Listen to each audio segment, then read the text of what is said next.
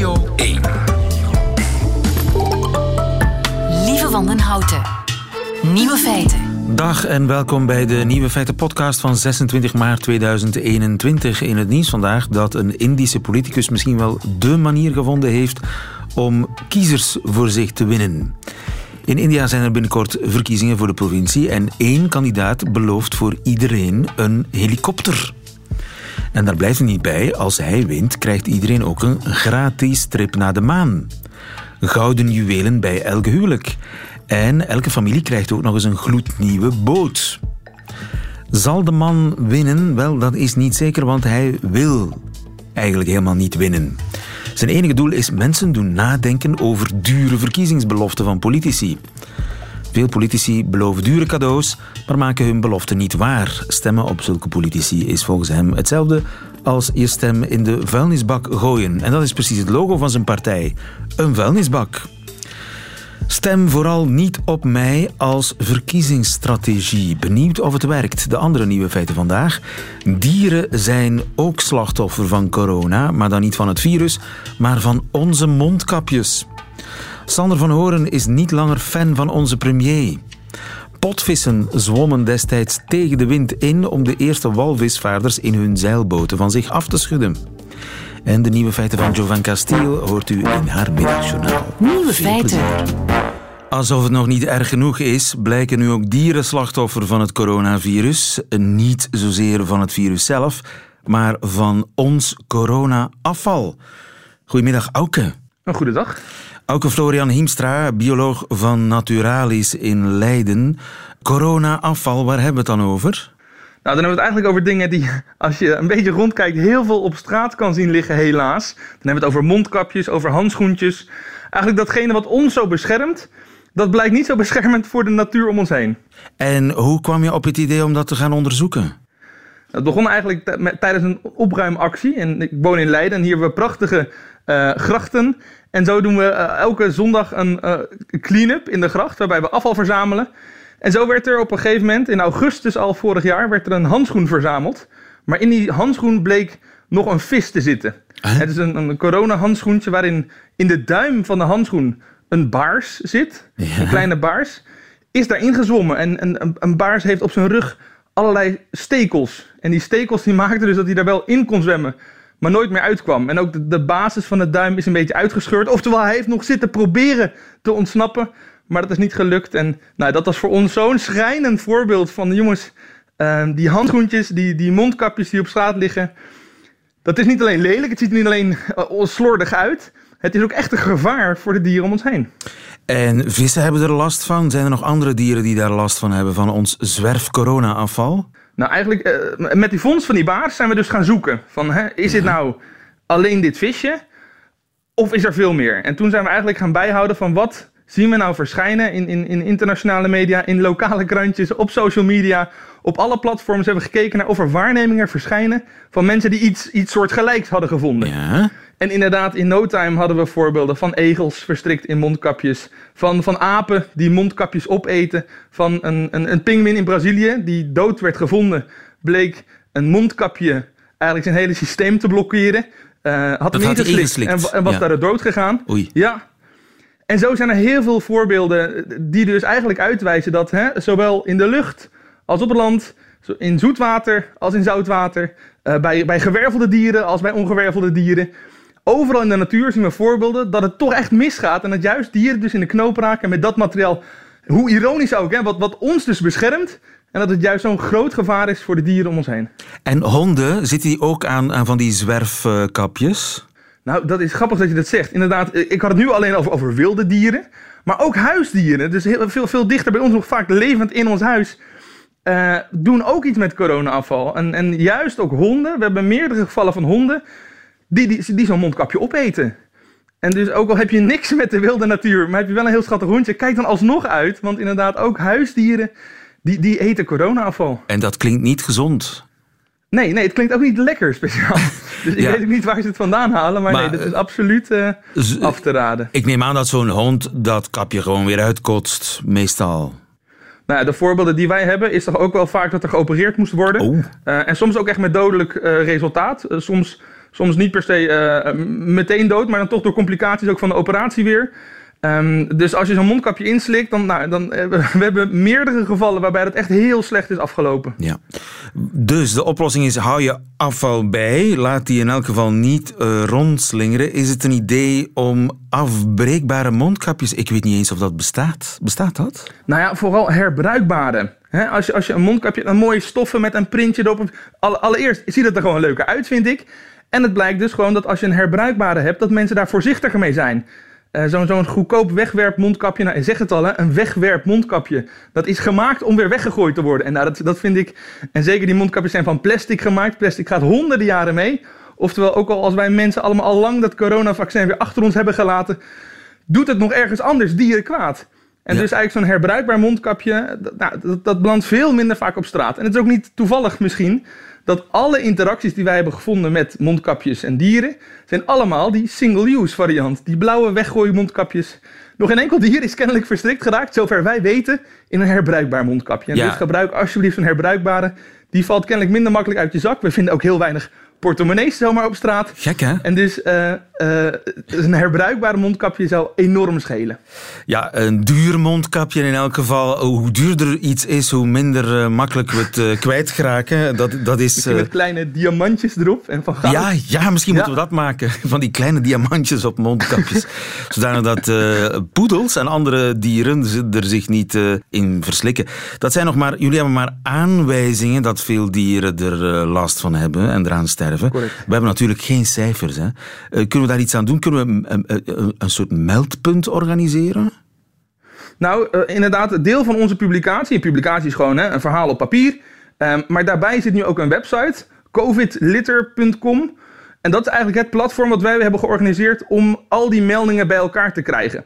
Wij hebben nu een uitgebreide search gedaan, dus in, in het Engels en in het Nederlands. Uh, maar ongetwijfeld zijn er nog veel meer gevallen in, in, in, in Rusland, in, in Chili, in, nou, waar wij nog helemaal geen weet van hebben. Ja. dus als mensen dus denken van ik heb toevallig ook iets gehoord op de lokale radio op, uh, nou ja, op, op enig platform en die mist nog bij, bij de lijst die we nu hebben, dan kan die dus doorgegeven worden en houden wij dus systematisch bij wat we allemaal zien gebeuren. Ja, covidlitter.com is het adres. Auke Florian Hiemstra van uh, onderzoekscentrum Naturalis in Leiden. Dankjewel. Goedemiddag. Graag gedaan.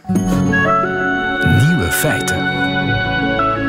De ontdekking van België. Het spannende avontuur dat nu al enkele jaren duurt. Het spannende avontuur beleefd door de Nederlandse journalist Sander van Horen, werkzaam voor de NOS als uitkijkpost Europa en België uh, in Brussel. Goedemiddag. Goedemiddag. Jij ontdekt ons land, komt er verslag over uitbrengen. Ja. Op vrijdag. Uh, wat, ja, eerst en vooral, sorry, maar nu moet ik even. Nu moet ik even naar jouw thuisland. Want volgens mij. Ja. Lopen jullie achter? In welke zin? Was het 2007 dat de toenmalige verkenner of onderhandelaar of preformateur of hoe het Jean-Luc de Hane. Jean-Luc de Hane ja. gefotografeerd werd toen hij ten paleize. Nou, maar weet je, de grap is, toen, toen zat ik nog vol in het Midden-Oosten. Dus toen, want daar refereer je aan. Kajsa Ollengren, uh, een van de twee verkenners in Nederland, gefotografeerd werd toen zij naar buiten liep. Met Net als Jean-Luc Dane met, met Maar ik, ik dacht dus van, oh wat een Belgische streek dit. Mijn tweede gedachte was van, houd toch eens op na drieënhalf jaar met Belgenbesje. Want dit is gewoon iets dat gebeurt in Nederland. Totdat inderdaad ik erop gewezen werd, 2007, Jean-Luc de Hane, inderdaad. Het was hier al eens eerder gebeurd, ja. Kwiet NVA stond er op zijn papieren. Ja. Fotograaf uh, knipt hem als hij het paleis binnenrijdt. En als je inzoomt zie je Quid NVA staan.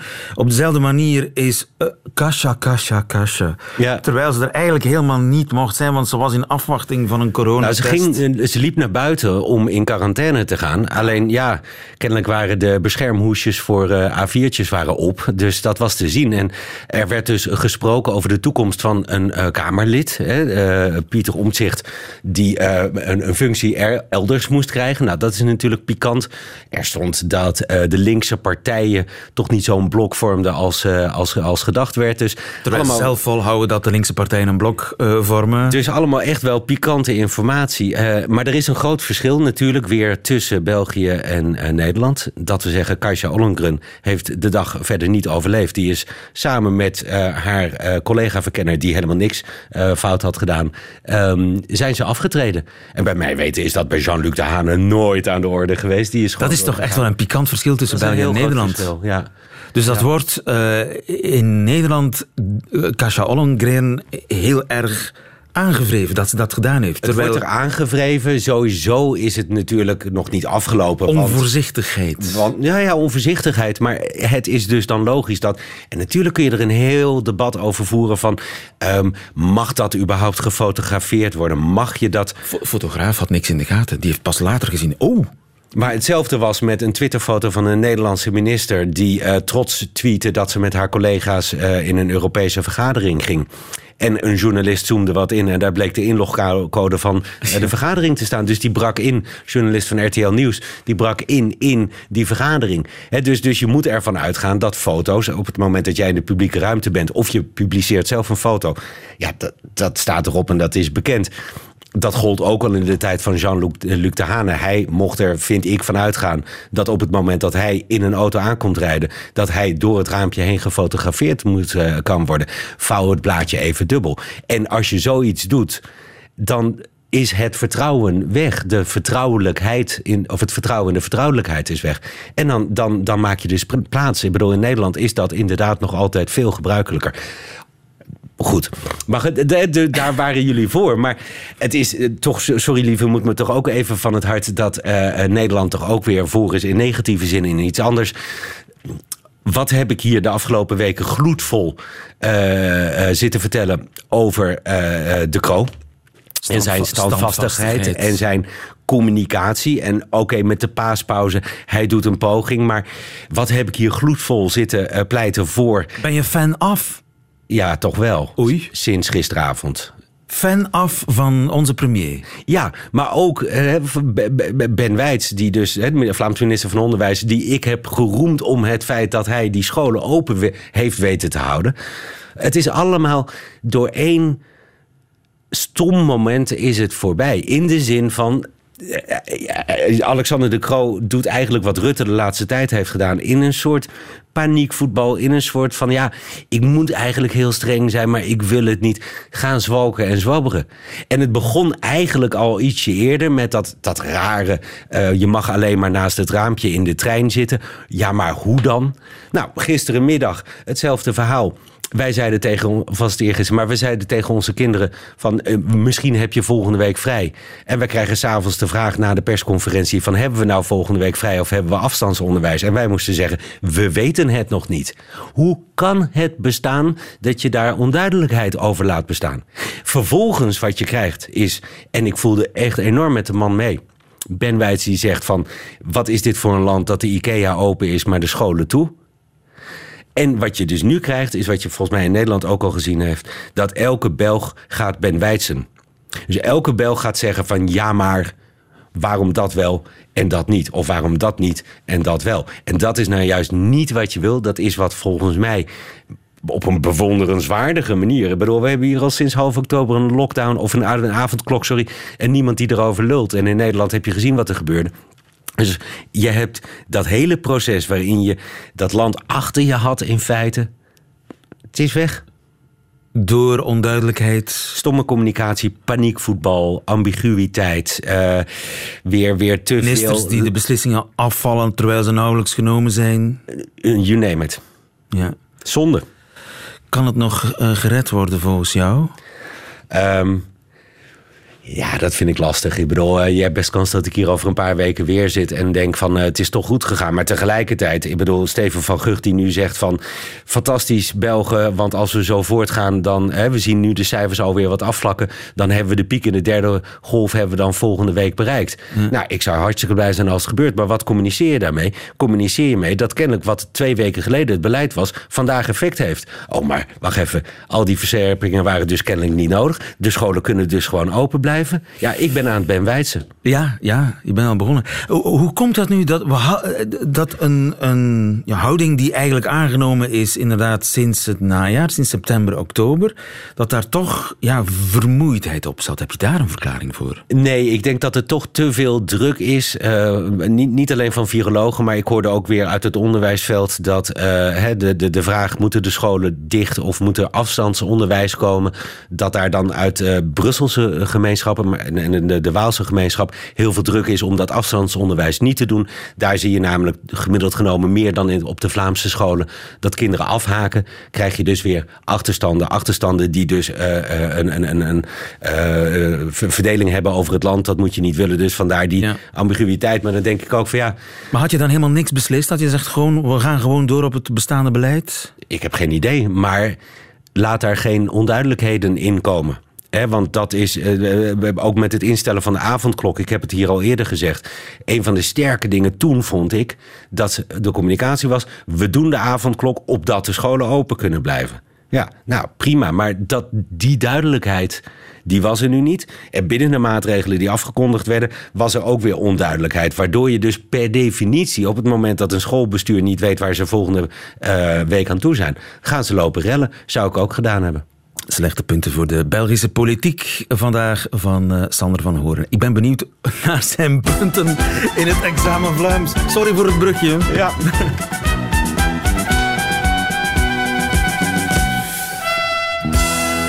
examen Vlaams. Vanmiddag wordt de E3-prijs gereden. Sander, dat weet je. Um, dat weet ik, ja. Dat weet je. je bent niet bepaald een wieler. Ja, ik ben niet zo'n zo'n sport op tv-fan. Maar als ik iets leuk vind om naar te kijken, dan is het wel wielrennen. Maar ik kan niet zeggen dat ik er verstand van heb. Nee. De E3, wat is dat eigenlijk? Dat is een eendaagse koers. Hagelbeke is nee, dat nee, nee, van vroeger? Maar de, de E3, waar komt die E3 vandaan? Oh, zou je dat weten? Nee. Doe eens een gok. E3, dat, dat zal dan met een sponsor te maken hebben? Nee, de, E, de E3 is de voormalige. is de, de vroegere naam van de E17. Oh, de weg. Ja. Die heette vroeger de E17. En hij loopt langs het... aangelegd in 1958 ongeveer.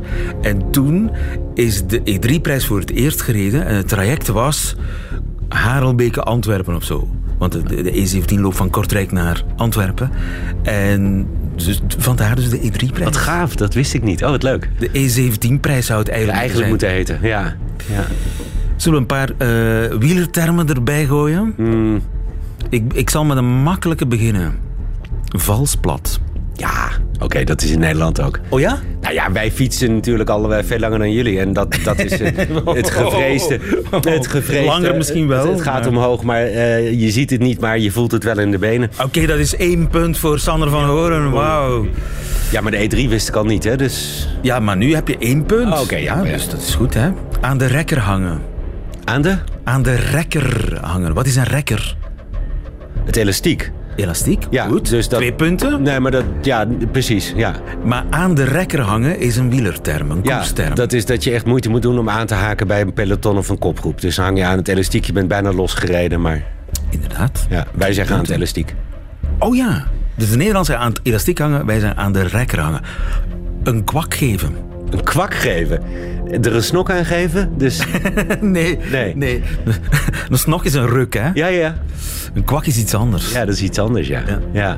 Maar het wordt alleen maar daarvoor... Een kwak wordt eigenlijk... Is een kwakje is iets helemaal anders. Ja, dat wou ik net zeggen. Als dat mijn associatie is, nee, dan gaan we een hele verkeerde kant op. nee, die kant gaan we niet op, Sander. Een kwak geven is een duw geven in de sprint. Ah, oké. Dat heet, om welke reden dan ook, een kwak geven. Oké. Standaard. Hm. Drie punten, dat is een record volgens mij, maar we gaan nog even door. Mm De grote plateau. Uh, dan zou ik zeggen op het grote blad, zeg maar. Wauw.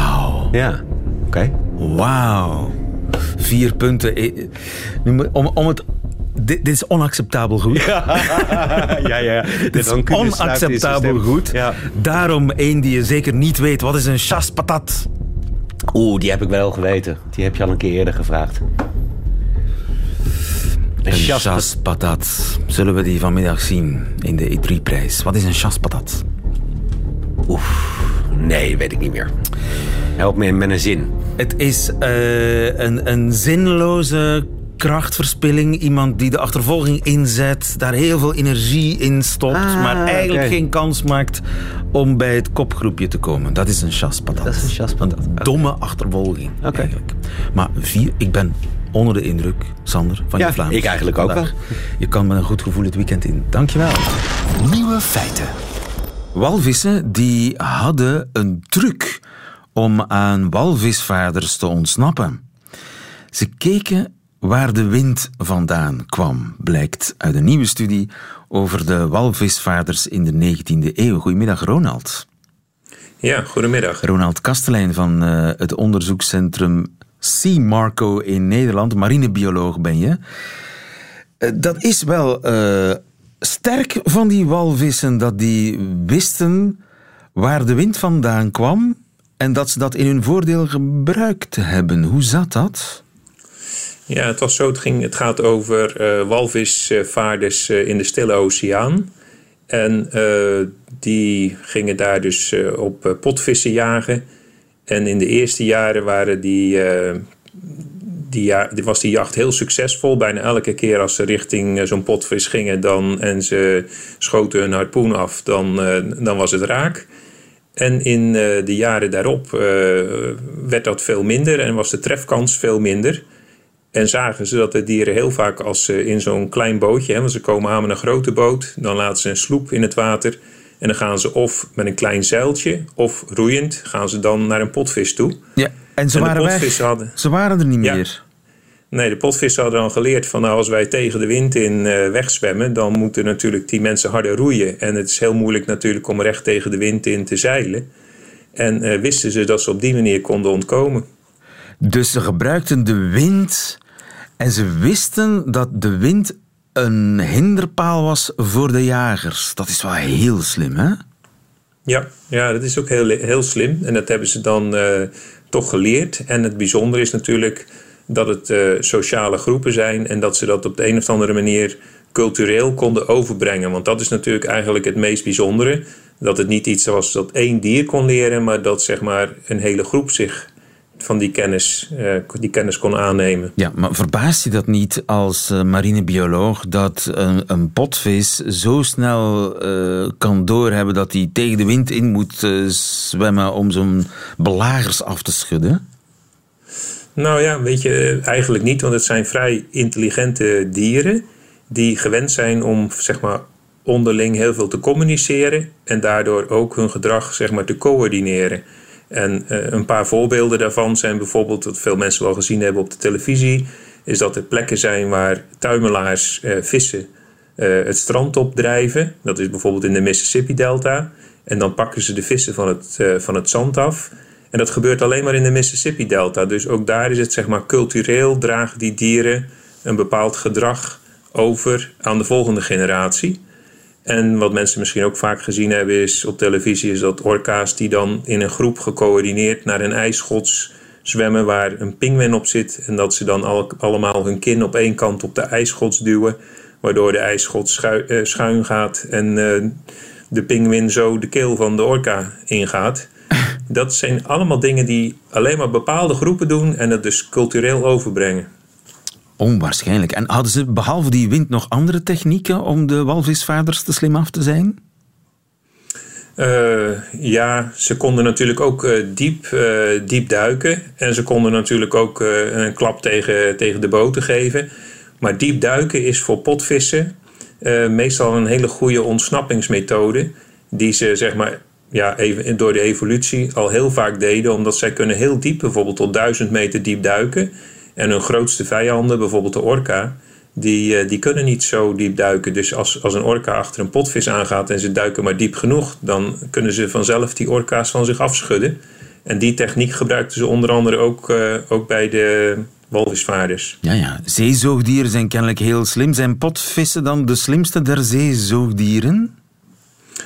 Nou, dat zou ik niet zeggen. Ze hebben natuurlijk wel uh, de grootste hersenen, maar de hersenmaat staat natuurlijk ook in verhouding tot de lichaamsgrootte. En het zijn natuurlijk wel de, de grootste tandwalvissen. Hè, dus daar horen ook de dolfijn en de bruinvis uh, onder. en ze hebben natuurlijk ook een groot deel van hun hersenen nodig voor het aansturen van het grote lichaam en om natuurlijk alle zintuigen, de informatie van de zintuigen te kunnen verwerken. Hoe intelligent een potvis is ten opzichte van bijvoorbeeld een bruinvis of een andere dolfijn, dat is niet precies bekend nog. Ja, maar ze communiceren wel zeer goed met elkaar. Ja, en over heel grote afstanden. Eh, ja, ook grote afstanden. Uh, potvissen hebben een heel hoog brongeluid, dus ze kunnen heel harde geluiden maken.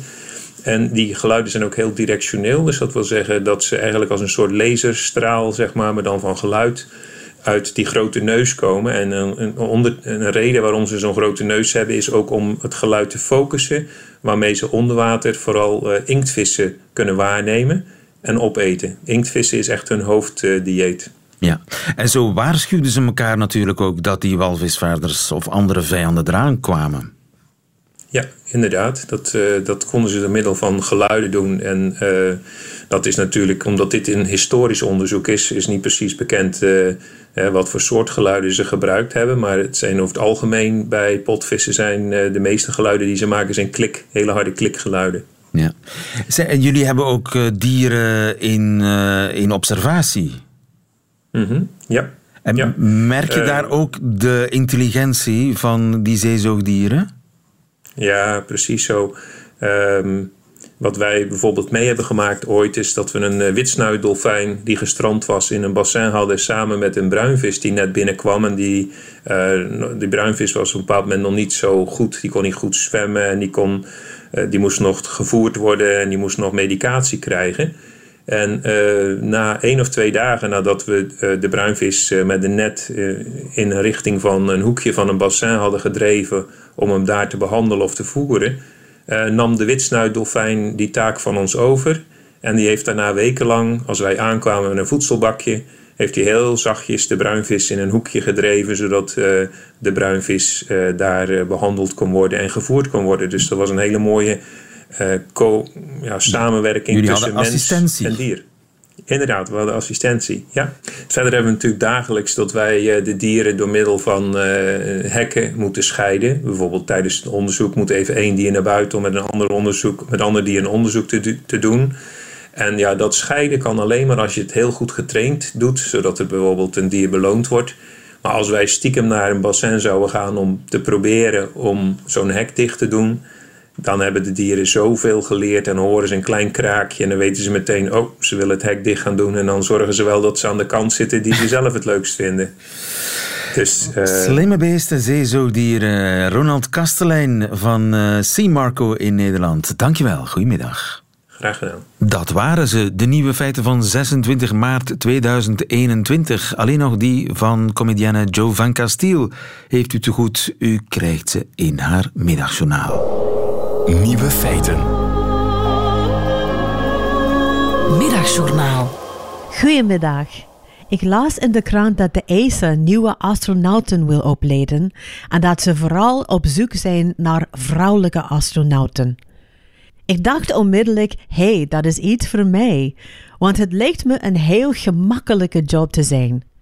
Astronauten zweven in hun ruimteschip, drukken af en toe op een knopje en steken hun duim op als iemand hun foto neemt. Hoe moeilijk is dat?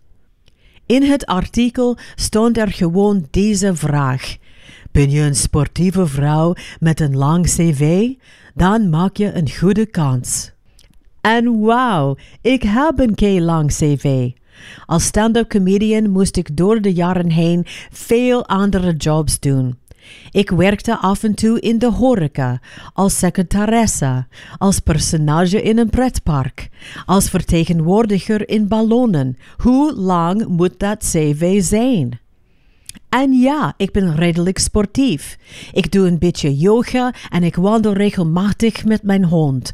Sportiever hoef je volgens mij niet te zijn om de hele dag in een ruimteschip rond te zweven. Hier is mijn enige probleem. In het krantenartikel droeg de vrouwelijke astronaut een typisch kei-lelijk ruimtepak. Hetzelfde als een man zou dragen. Ik groeide op met Star Trek en mijn lievelingspersonage was Lieutenant Uhura.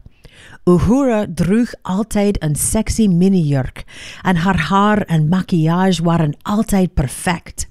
Dat is het soort astronaut dat ik wil zijn.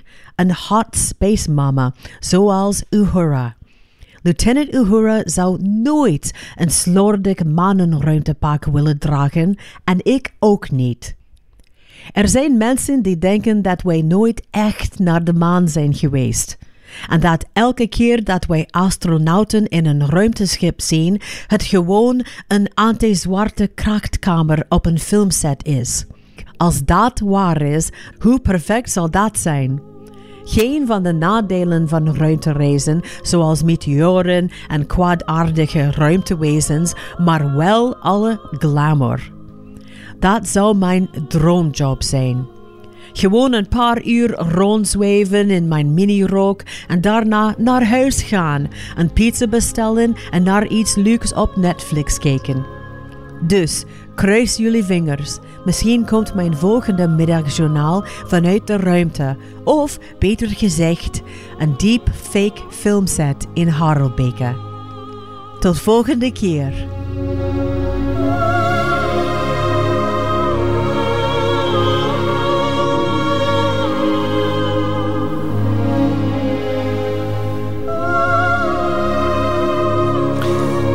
Amerikaans-Vlaams Jovan Castiel in het Middagjournaal. Einde van deze podcast. Hoort u liever de volledige nieuwe feiten met de muziek erbij? Dat kan natuurlijk via radio1.be of via de app van Radio 1. Daar vindt u overigens nog veel meer interessante podcasts. Tot een volgende keer.